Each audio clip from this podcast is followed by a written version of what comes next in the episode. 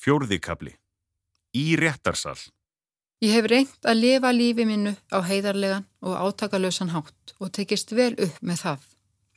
Ég hef ekki eignast óvinni, ekki komist í kast við laugin fyrir utan stöku stöðumarasegt og ég hef unnið hjá sama fyrirtæki í meira en þrjá áratugi. Það má jafnvel orða það sem svo að ég sé hallærislega heiðarleg eins og föður sýstir mín heitin sagði eitt sinn um sinn sómamann. Áfbeldisfull er ég ekki, bara alls ekki, punktur.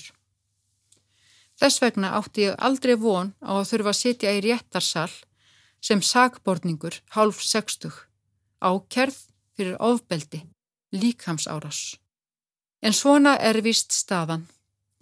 Við Óli erum mætt upp úr nýju í dómsal 101 á samt verjendum okkar.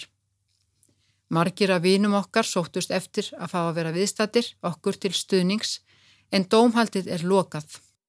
Í salnum eru bara við, saksóknari, ungkona og Dögg Pálsdóttir sem er lögmaður Aleksandru og Davids vegna engaréttar kröfu þeirra. Dómarinn gengur í salin og allir rýsa úr sætum. Allt er þetta mér framandi. Við hjónin erum ávörpuð ákerði Ólafur og ákerða Kolbrún. Nýðurlægingin er algjör. Eftir einhver formsatriði er mér vísað úr salnum meðan eiginmaður minn situr fyrir svörum. Ég átti ekki von á þessu en fer fram á gang og fæ mér sæti. Þetta er á fyrstu hæð í húsi Heraðstóms Reykjavíkur og fjöldimanns á leið um. Mér finnst ég vera berskjölduð. Hvað ætti fólk hugsi?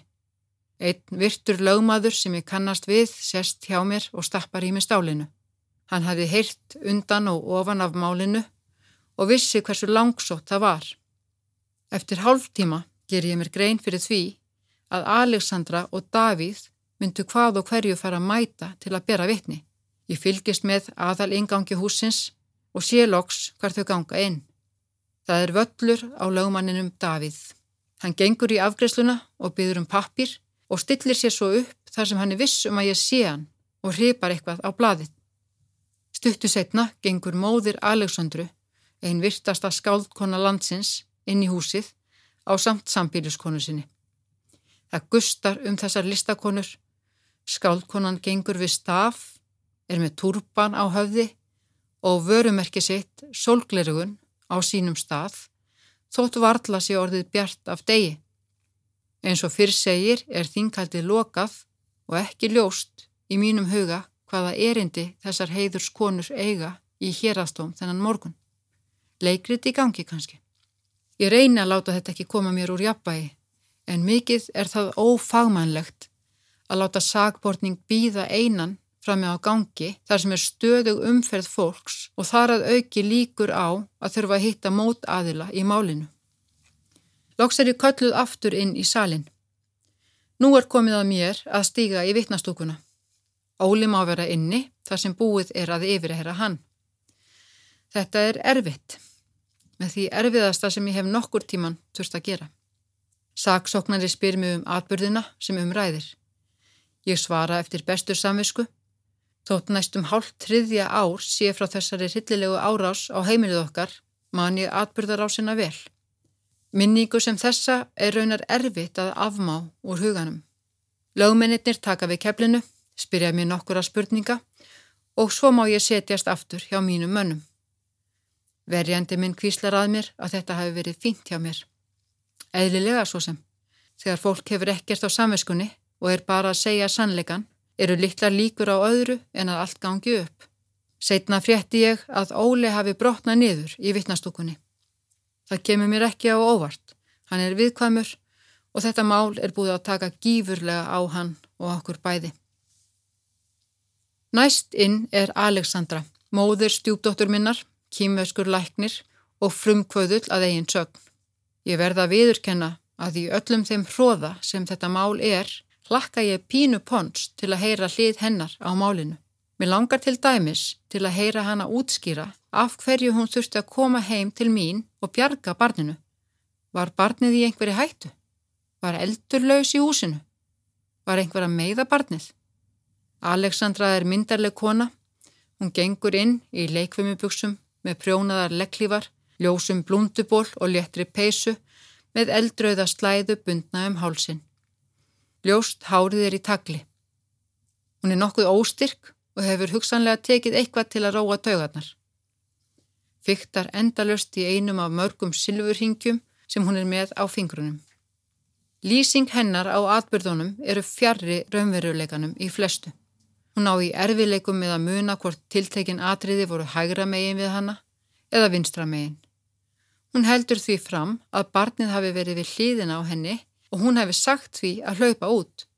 Laugmaður minn spyr hví barnið hafi þá ekki hlaupið út þar sem hurðin var opinn. Kolla hjæltinni, segir hún. Laugmaður minn rekkur við. Þetta er alveg nýtt. Aldrei hafði þetta komið fram áður. Aug þess heldur hún því fram að ég hafi verið í háhæliðum skóm og þess vegna hafi ég dóttið. Þetta finnst mér fyndið og erfitt með að leina því. Þó ég sé hrifin af háhæliðum skóm eru þeir ekki staðal útbúnaður þegar ég er í róliheitum inn í stofu, ný vöknuð eftir Ameríkuflug. Tvö vittni sáu Alexandru draga barnið út úr húsinu á sokkalistónum, gargandi, nei, nei. Alexandra heldur því statt og stöðugt fram að barninu hafi tekist að flýja út og hún sjálf á eftir.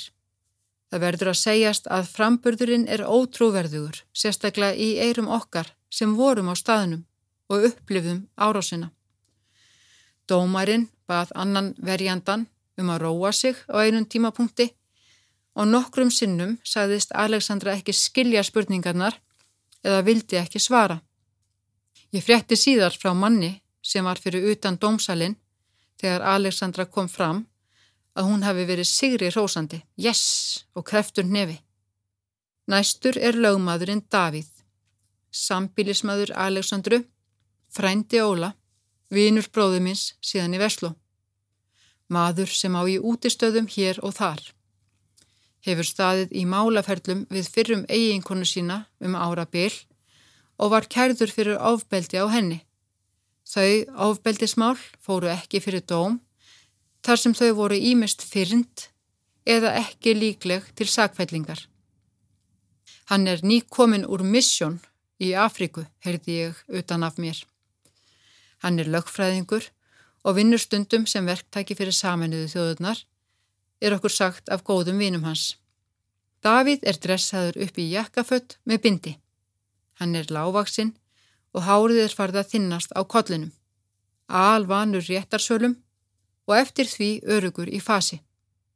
Davíð er slingur í sínum framburði og er aðeins meira með staðsetningar og hægri vinstri á hreinu heldur en sambíliskona hans. Þegar hann er spurður hvort ég hafi haldið barninu, segist hann ekki hafa séð það. Hann dregur líka í land varðandi meinta árás mína á Aleksandru.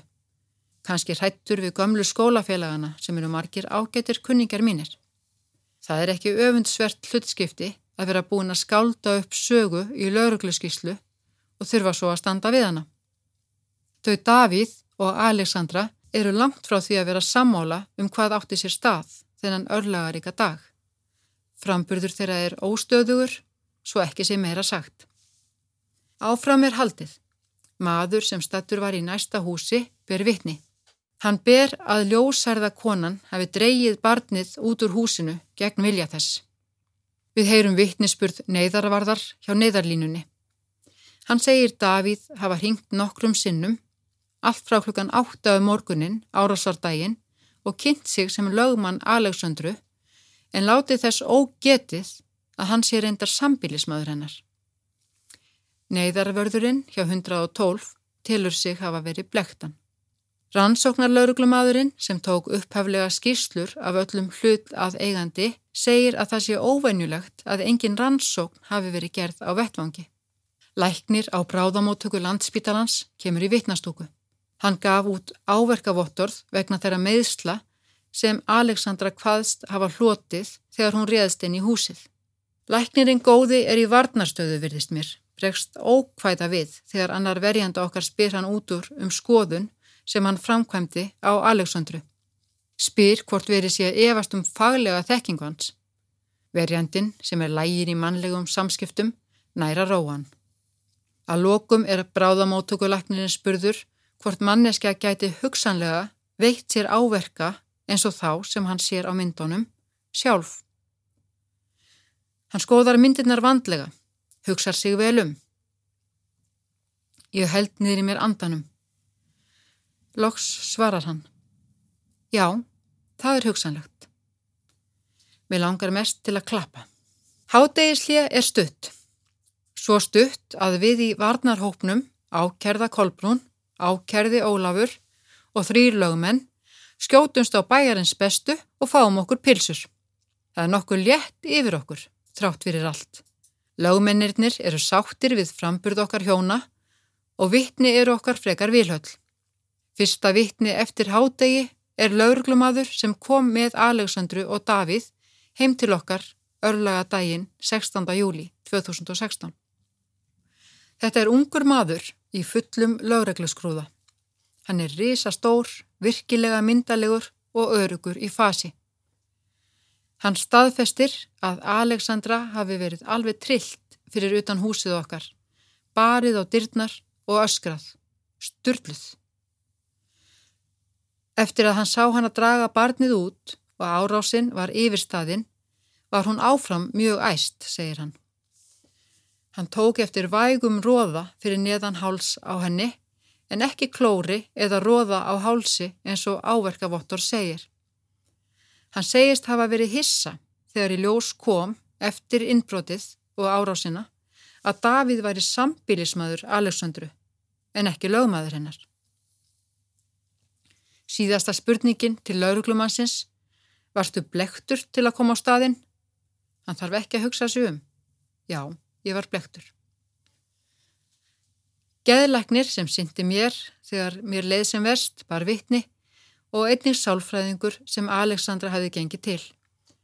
Hann var reyndar eitt áhugaverðasta vittnið, lítill, þunnharður maður sem myndi örlítið á staðal ímynd sálfræðinga úr amerískum sjómanstáttum. Hann sagðist ekki þekkja Aleksandru neitt, allavega aldrei hafa komið heim til hennar. Spurður hvort hann þekkti föður hennar, sagðist hann kannast við hann. Hefur þú komið heim til hans? Já, ég hef komið heim til hans. Sálfræðingurinn, sem reyndar hefur sérhæft sig í vinnustafasálfræði, er vinur föður Aleksandru og það vissum við þar sem Aleksandra let dóttur sína ganga til hans í stað þess að fara til barnasálfræðings sem hafði annast hana í skólanum. Að lokum sagði maðurinn að Aleksandra var í góðu jafnvægi. Þau orð sannfarðu mig alveg um að hann þekkti hana ekki neitt. Lögmenn okkar flytja málsitt. Þeir standa sig báðir vel halda þrjumandi ræður. Loka hugleðing annars verjandans er á þá leið að holdt væri að snúa dæminu við.